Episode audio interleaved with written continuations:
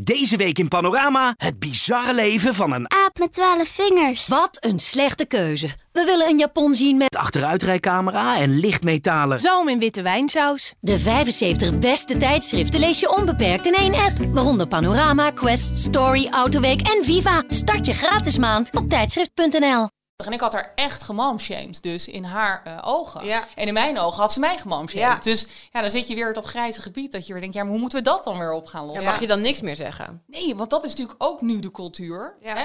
Ah, Wat kunnen we nog wel zeggen, wat kunnen we niet zeggen? Ja. Dus het is, Het is een beetje tweezijdig, hè? Inderdaad, wat kun je wel en niet zeggen? En hoe ga je ermee om? Welkom bij de podcast van Kijk Mama. Mama doet ook maar wat.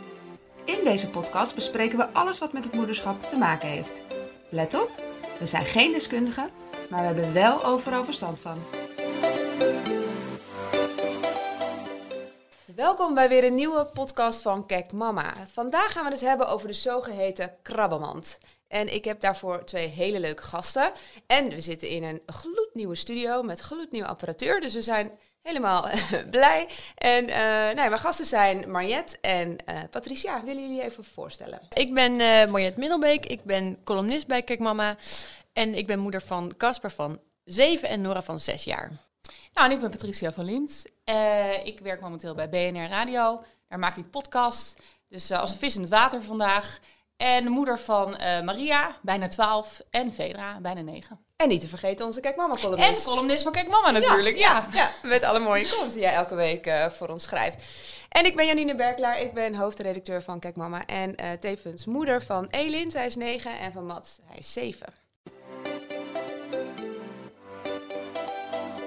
Zoals ik net al zei, gaan we het vandaag hebben over de krabbenmand. En ehm, nou ja, dat is een heel toepasselijk onderwerp. Eh, de maand april staat eh, bij Kijk Mama in het thema van mom bracing.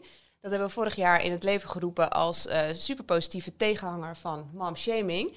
Nou ja, mom shaming kent iedereen. Dat is nou ja, de kritiek die je eigenlijk van andere mensen, moeders, buurvrouwen, nou ja, iedereen kunt krijgen op de keuzes die je maakt in het moederschap. Wij omarmen het thema Mombracing natuurlijk eh, enorm in april, want eh, we vinden het super belangrijk. Het is al moeilijk genoeg in het moederschap om daarin je eigen keuzes te maken. Er sta- bestaat geen handboek voor het moederschap. En eh, ja, de meningen, en soms best wel harde meningen, die over en weer vliegen van moeders, kunnen je daar nog onzekerder in maken. En dat moet helemaal niet nodig zijn. Dus vandaar het, het mooie thema Mombracing. Ehm, maar ik wilde het ook vandaag vooral met jullie hebben over de krabbenmand. Eh, de zogeheten krabbenmand waarin eh, moeders elkaar eh, naar beneden halen in plaats van elkaar juist te supporten en te, en te ondersteunen. En ehm, ja, ik vroeg me af, waarom denken jullie eigenlijk dat moeders elkaar zo makkelijk veroordelen op de keuzes die ze maken? Nou, ik ben daar eens even heel goed over na gaan denken, Janine, toen je mij vroeg.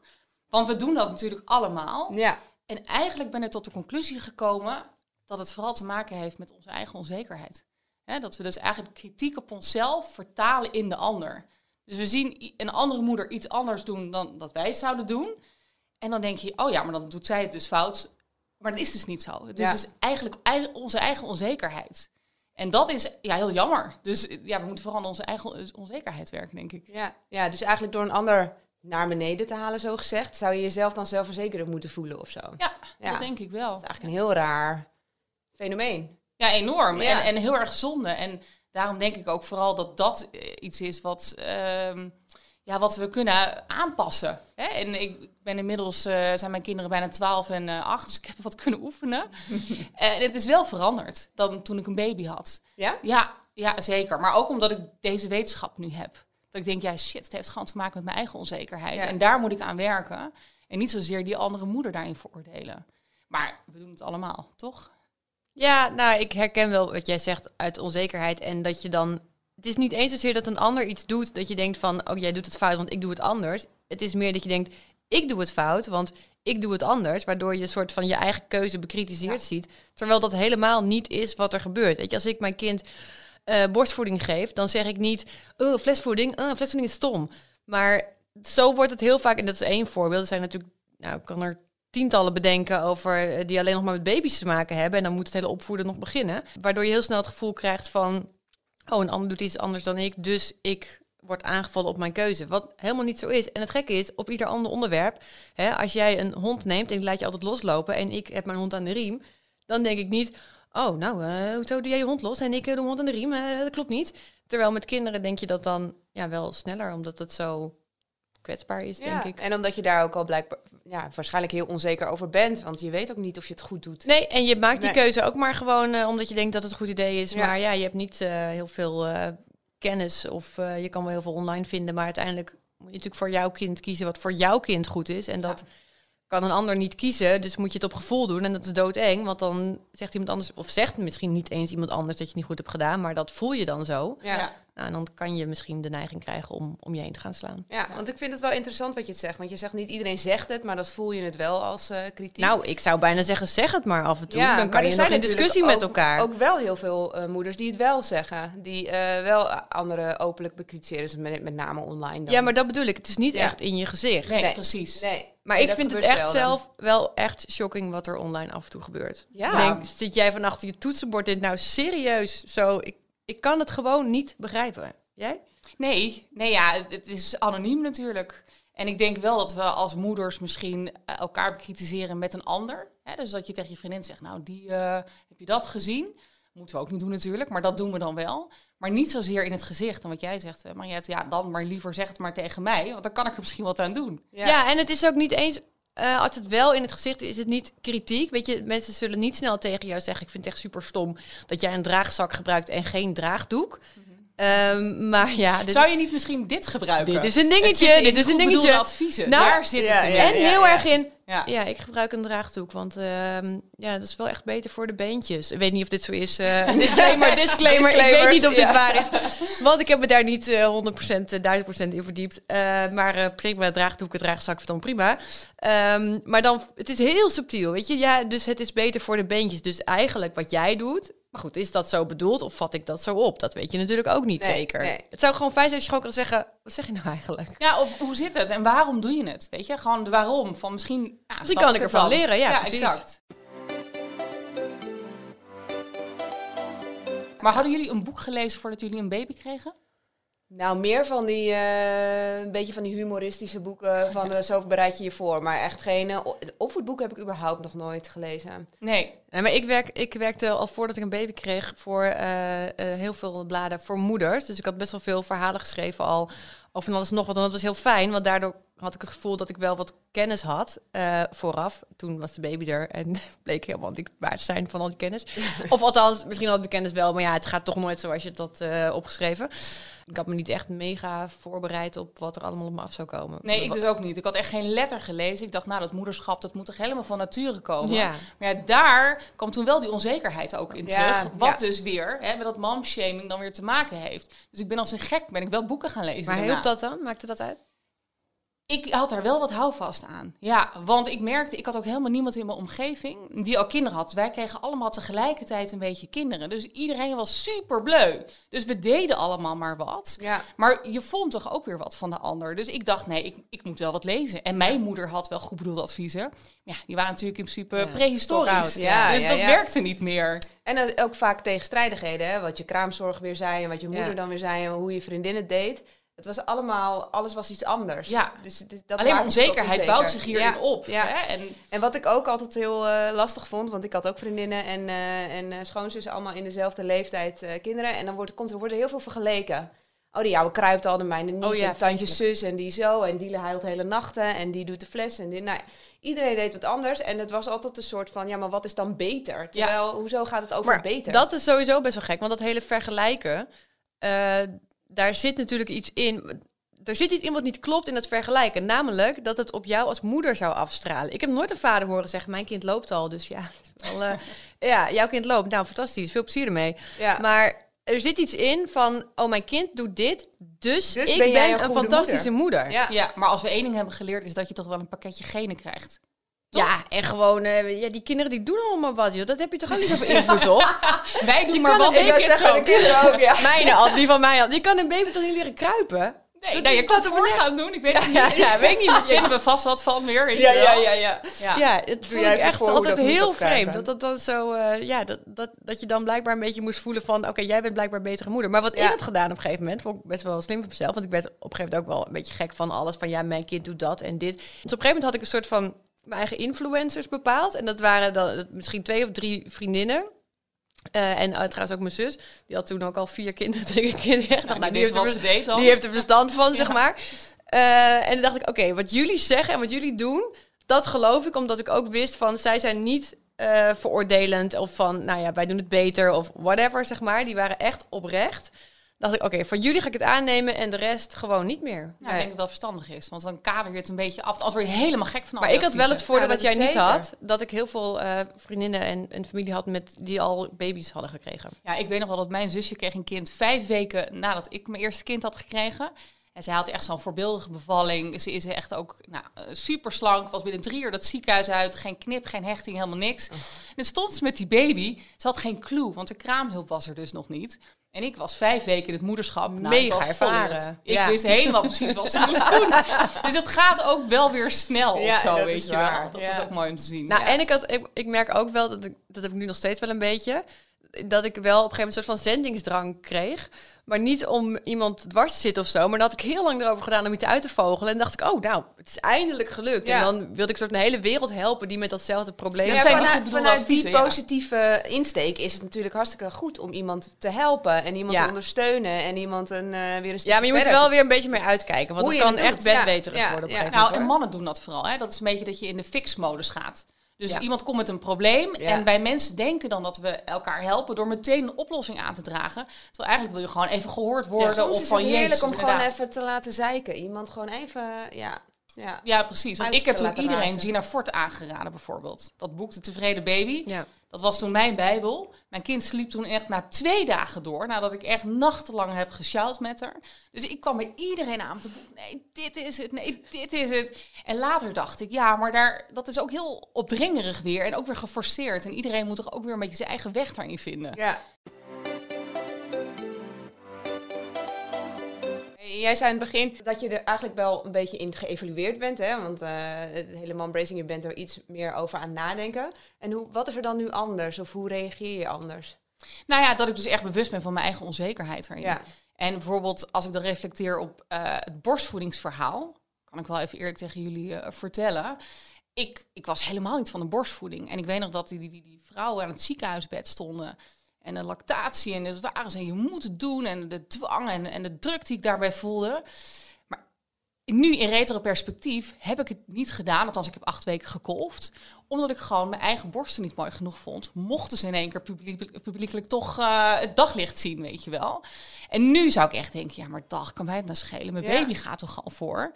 En ik heb toen best wel moeders die dan echt anderhalf jaar, twee jaar borsten, dat heb ik wel gejudged. En het was, had alles te maken met mijn eigen borsten, die ik dus niet mooi vond. Ja, ja, en dat sta ik nu echt heel anders in. ja. Dus ja, dat wil ik wel mensen meegeven. Maakt niet uit wat voor vormborst je hebt. Appels, peren, weet je wel. Gooi ze eruit en, en voed gewoon je kind. Wees daar in ieder geval niet onzeker Ja. over. Want als er iets bij hoort, is dat het wel. ja. En jullie, qua borstvoeding? Eh, ik was ook, eh, ik was er gewoon überhaupt niet goed in. Ik kon niet aanleggen, ik kon niet, eh, ik, nee, ik moest met tapehoedjes in de weer en dan kreeg ik weer een, hoe heet dat, moest ik weer smeren omdat dat allemaal ontstoken was. Ik kreeg ze, kreeg Elin Spruw en het was Oh ja. gedoe. Het was alleen maar gedoe en ik werd er ontzettend ongelukkig van. Dus ehm, nee, ik ben eigenlijk heel snel eh, overgegaan op de fles. En toen heb ik bij Mats weer over laten halen om het toch te proberen. En toen wist ik na een dag van, ja, maar ik ben dit gewoon, dit, dit werkt voor mij niet. Nee. En eh, nou ja, moet je weer door die vreselijke stuwingsperiode, koolbladeren, alles erop en eraan. Drama. Oh man, nee. Ik, Echt eh, huilend in bed, mijn borsten vastgehouden. Als- Als iemand tegen mij zei, ik haal ze nu eraf, had ik gezegd, prima. Ja, neem Fine. ze maar mee. Fine with me. Nee, dus eh, nee. Ja, Maar, ik denk vind wel... het prachtig voor een ander, want als ik zie hoe mooi het kan zijn en eh, hoe goed het bij, dan denk ik soms wel eens, ja, had ik dan misschien toch, maar nee, het, het- nee, het werkte voor mij gewoon niet. Nee, maar mooi dat wel, je dat eh, wel beseft. Dat je dus inderdaad beseft van... Dat je wel oké ermee bent. Ja. Ik heb dus af en toe nog dat grijze gebied dat ik denk... ja, als je je over die toch- onzekerheid Ja. omheen gezet, had Ja. je misschien iets moois voor terug Exact. kunnen krijgen. Ja. Ja. Maar ik had wel een hele fijne kraamverzorgster bij, bij ehm, Casper sowieso. Dat was altijd gedoe in het begin. Eh, maar die zei op een gegeven moment, luister, het moet wel leuk blijven. En eigenlijk was het soort mijn vrijbrief om te stoppen. En daardoor ging ik door. Want ik dacht, ik kan op ieder moment hiermee stoppen. Dus ik probeer het nog een dag. Ik probeer het nog een dag. Nou, Goeie. hè, dan komt het op een gegeven moment, dan gaat het allemaal wel. Dus dan heb ik het keurig de zes maanden volgemaakt. Maar juist omdat zij zei van, joh, als jij ermee wil kappen, dan kap je er toch lekker mee. Toen dacht ik, nou, dus dan probeer ik het nog wel Echt even. belangrijk. Ja, En ook ja. toch voor de onzekerheid van de Maar dit hoor je niet zo vaak, hè? want ze moeten eigenlijk altijd wel volgens mij moeten ze wel een beetje stimuleren dat je doorgaat. En ze zei het misschien ook wel een klein beetje soort van off the record. Oh, ja. Maar dat was juist heel fijn Ja, dat dat, ze dat, werkte zei. voor jou dus blijkbaar heel Ja. goed. Ja. Ja. Hey, maar even terug op het eh mom bracing eh, thema. Betrappen jullie er zelf wel eens op om toch die gedachte te hebben over een andere moeder van, goh, hoezo? Of Ik wel.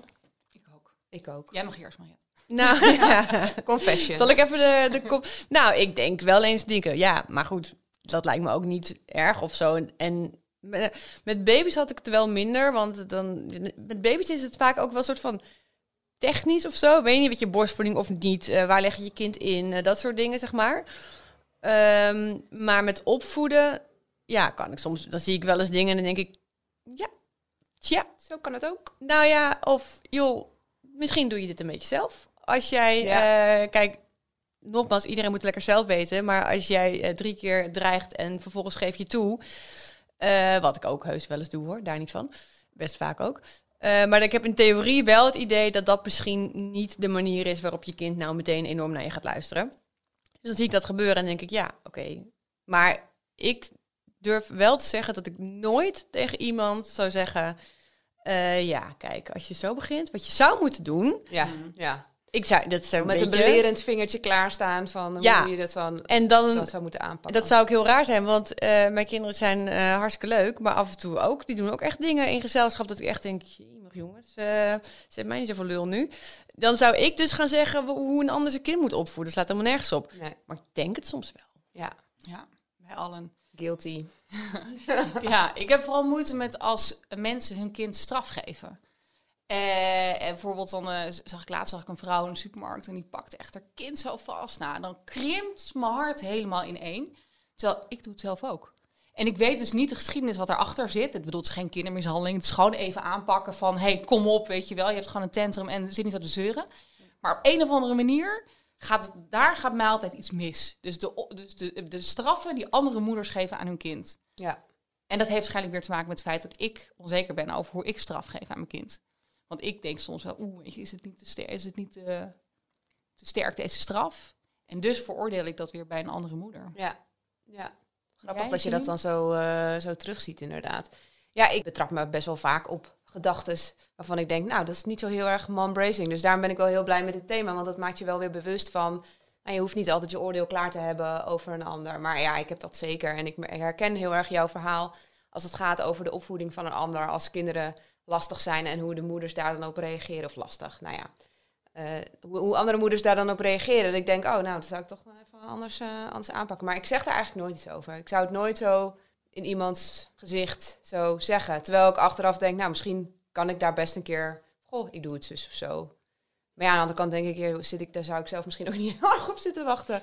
Nee, ja, dan moeder kom je weer in die eh, categorie goed bedoelde adviezen juist, die jij dan ja. onzeker kunnen maken. Ja. Ja, het is zo'n fine line, dat betreft. Dat is het. Ja, Nou ja, als iemand zegt van ik vind het wel lastig, dan zou ik misschien nog wel zeggen, joh, ja maar Wat dat is misschien een zou opening kunnen. voor een... eh, Ja, Ja, maar- ja.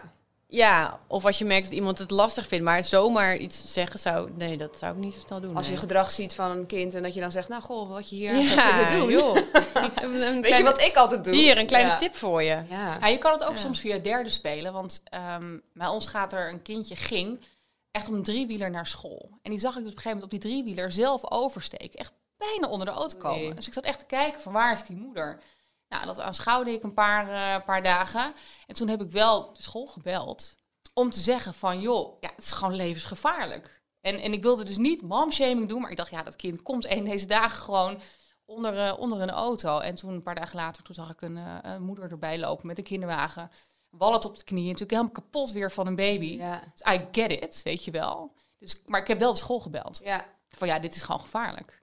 Dus toen zat ik ook van, ja, is dit nou momshaming? In welk gebied zit ik nu? Ja, dat is heel lastig. Grijs gebied. En opmerkingen gekregen? Heb je wel eens eh, op jouw keuze in het moederschap of hoe je dingen aanpakt? Recht in mijn gezicht. Echt een, weet je wel, de, wat ik net zei van eh, de draagzak is ook heel goed voor de, eh, zoiets. Maar echt dat iemand zegt, ik vind dat jij dit niet handig doet. Nou, dat kan ik me eigenlijk denk niet echt se herinneren. Dat, dat mensen dat zo duidelijk zeggen. Nee, Ik- ik nee, maar, voor mezelf maar dan is een- wel, wat is dan een opmerking Ja, die je krijgt? ik weet nog heel goed dat ik eh, tegen iemand vertelde, ik heb een andere baan. En toen zei ze, oh, ga je eindelijk minder werken? Oh, En dat vond ik wel dat ik dacht... Nou, seksistisch is oh, dat. Oké, ja, Ja, ook. sowieso. Maar ook dat ik dacht, oh, je hebt dus blijkbaar al heel lang een mening over hoeveel ik werk. Ja, En, dat, en als ik dan ja. een nieuwe baan heb, eh, ga je er dus vanuit dat ik dat zelf ook een probleem vind. Ik heb wel online, want ik heb natuurlijk, eh, eh, ik schrijf al best wel lang eh, columns voor Kijk Mama.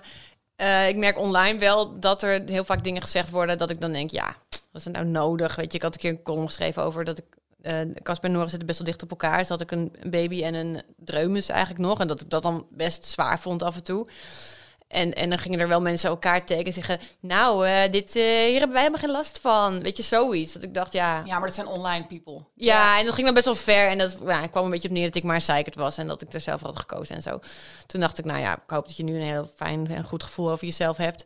En eh, veel plezier ermee verder. Ja, maar het moet ons toch minder raken. Daar moet, ik vind toch dat we daar ons wat meer voor moeten wapenen. Ja. Denk ik. En zeker als we ook inderdaad hè, gewoon fulltime werken. Dat dat ons toch een beetje meer dat teflonlaagje. Ja. Dat niet meer zo te... Maar ja, het is wel een beetje als je zeg maar eerlijk bent en open bent. Kijk, ik kan ook een column schrijven en zeggen: Oh, ik heb, ben zo blij. Ik heb een peuter en een baby. Of een dreumes en een baby. En ik ben lekker in het park aan het wandelen. En kijk mij eens eventjes eh, helemaal de boel op orde hebben.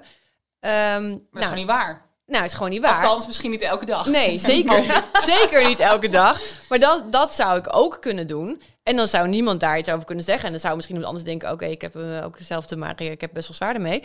Ehm, dus het is wel zo, op het moment dat je eerlijk gaat zijn... en dat is niet alleen online zo, maar dat is natuurlijk ook in het echte leven zo... dan loop je het ook sneller op. Maar het is voor mij geen reden om dan maar niet meer eerlijk te zijn. Nee, Want dan denk ik, nee. nou, er is vast wel iemand die er misschien wel iets aan heeft... Ik of die er wel om moet lachen. Ik denk dat er duizenden moeders juist wat aan jouw eerlijk verhaal hebben. ja, maar die durven niks meer te zeggen. Nee, als we al mensen hebben gezegd... nou, stel je niet zo verschrikkelijk aan. Ja, nou, dat zijn er weinig die daar dan nog tegen in durven te gaan. Ja. Want die hebben geen zin om die discussie op hun Nee. te halen. Nee. Nee. Maar ik denk toch dat we het moeten blijven doen. Want het is heel belangrijk om juist te laten zien van... hé, het is niet altijd makkelijk. ook het leuk. gaat niet altijd volgens het boekje. En het is ook niet altijd leuk. Nee, Nee, maar het is ook leuk om het te laten zien. Oh ja, het is ik, ook zeg maar. Ja. Het is, nee, ja, Het is niet leuk, het is kinderen. Zijn niet, nee, kinderen zijn helemaal niet leuk. Maar jawel, jullie zijn heel leuk, jongens. Eh, nee, eh, maar ik vind het ook leuk om, om eerlijk te zijn. Want Ja. ik zou helemaal niet die column willen schrijven van... oh, ik loop elke dag in het park helemaal blij te zijn Nee. met mezelf. Want ja, wat is daar nou aan? Nee, en ja, nogmaals, dan komt die onzekerheid weer om de hoek kijken. Want ik weet nog dat ik heb een keizersnede gehad.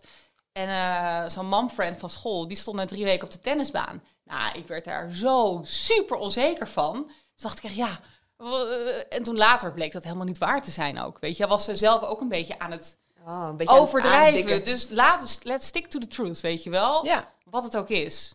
Nou, ik heb overigens wel echt een keer een, op, een, een, eh, een opmerking gekregen van een andere moeder. En die zit nog steeds diep in mijn ziel. Mijn kinderen hadden net de waterpokken gehad. En het was dus een staartje ervan van ben je wel besmettelijk, niet besmettelijk.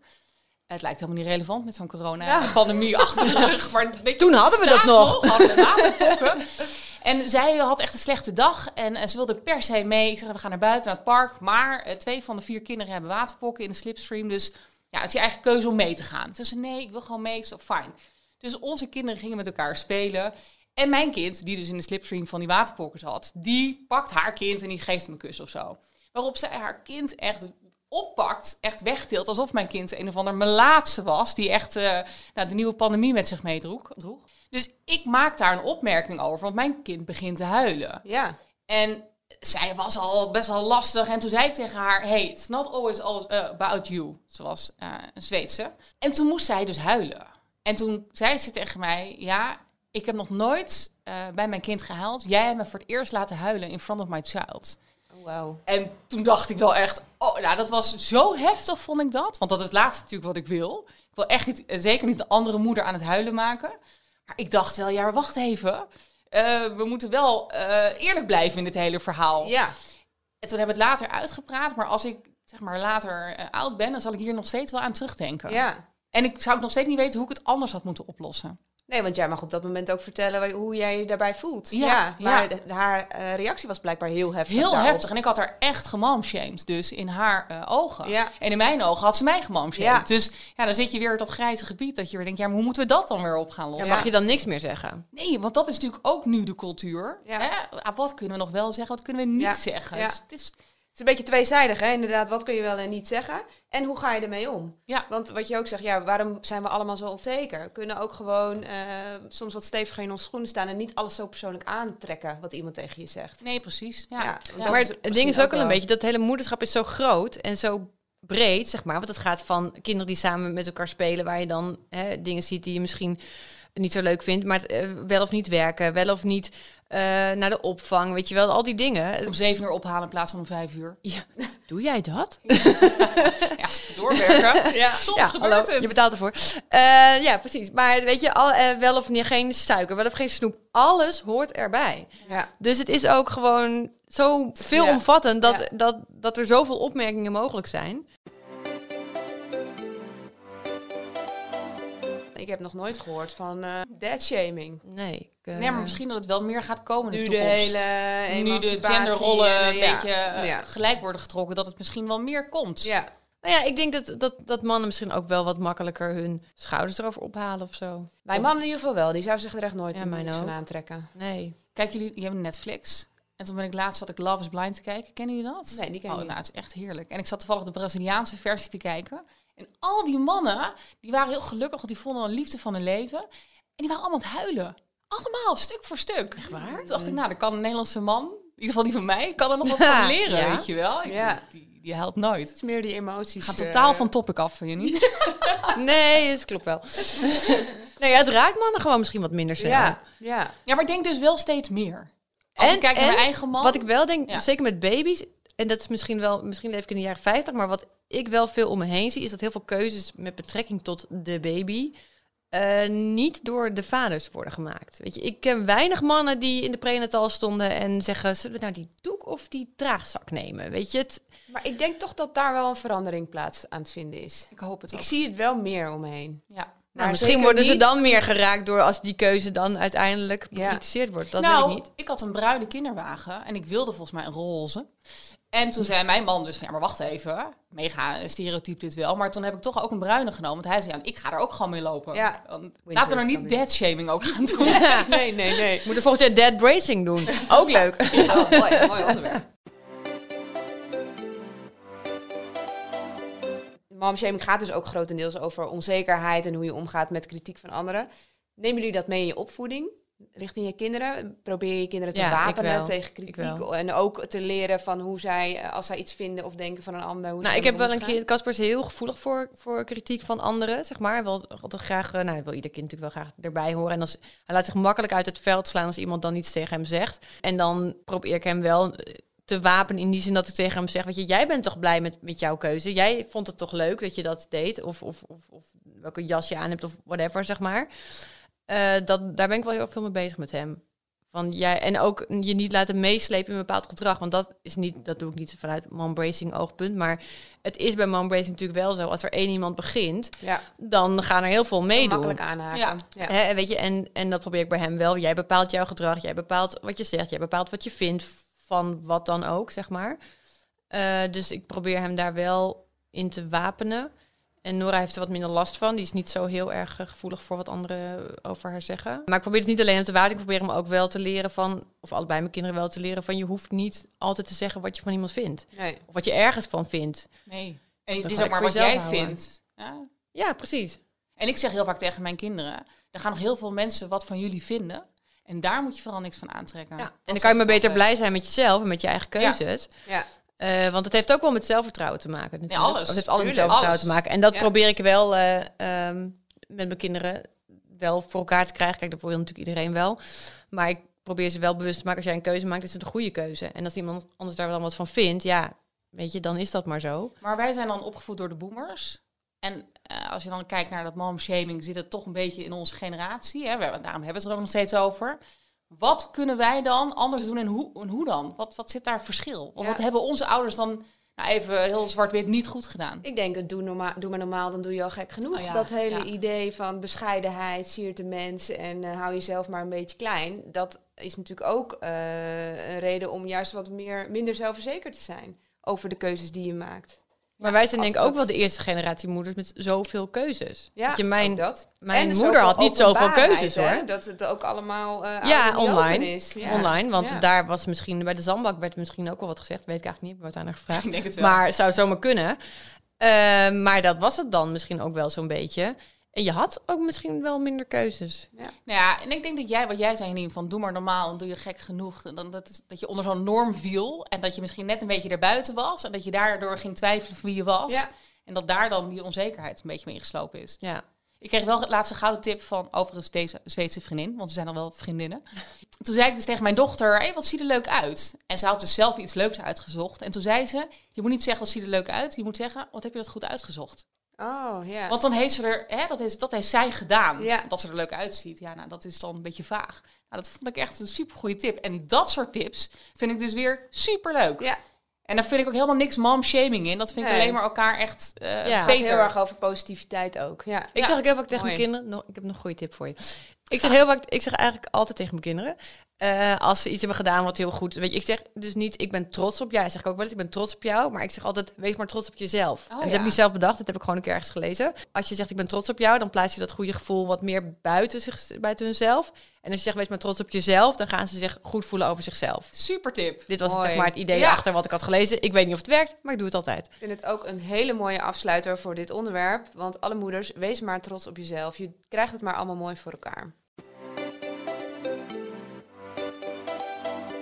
Ik heb ook nog een Kijk Mama keuze voor jullie. Uiteraard, als afsluiter van deze podcast. Jullie moeten kiezen. Of je slaapt een week lang op een bed van Lego blokjes. Of iedereen die je tegenkomt begroet je door het hele volkslied te zingen. Oh, wauw. ja, ik ga toch voor dat volkslied. Ja, Ja, want slaap is heilig voor een moeder. Maar iedereen die je tegenkomt. ja, hè? iedereen. Ja, ja. het hele volkslied Ja, is ik- eh, ik- ik doe 44 het. coupletten of zo. Nee, maar dan heb ik en, en plezier en lachen en ik heb nog een social eruit. Maar is- ik slaap wel. Ja, ik ben het met je eens. Ik ga voor het volkslied. Ja, nou, een week, een week ga ik het misschien nog wel overleven. De Lego? Jij gaat op de lege blokjes Ja, het liggen? ligt er wel. Ja, kijk, als er nou heel veel zijn, dan egaliseert het ergens weer. Ja? Misschien. Zou je denken? Nou, zo'n spijkerbed schijnt heel goed Ja. te zijn voor je bloedsomloop. Ja, dus dus wellicht... weet, eh, dan word, ik er, word je als herboren weer wakker. Ja. Mariette en Patricia, onwijs bedankt voor jullie deelname. Eh superleuk gesprek. Eh, bedankt. En eh, luisteraars, bedankt voor het luisteren. Eh, we zijn er over twee weken weer. Leuk, dankjewel. Dankjewel. Doei!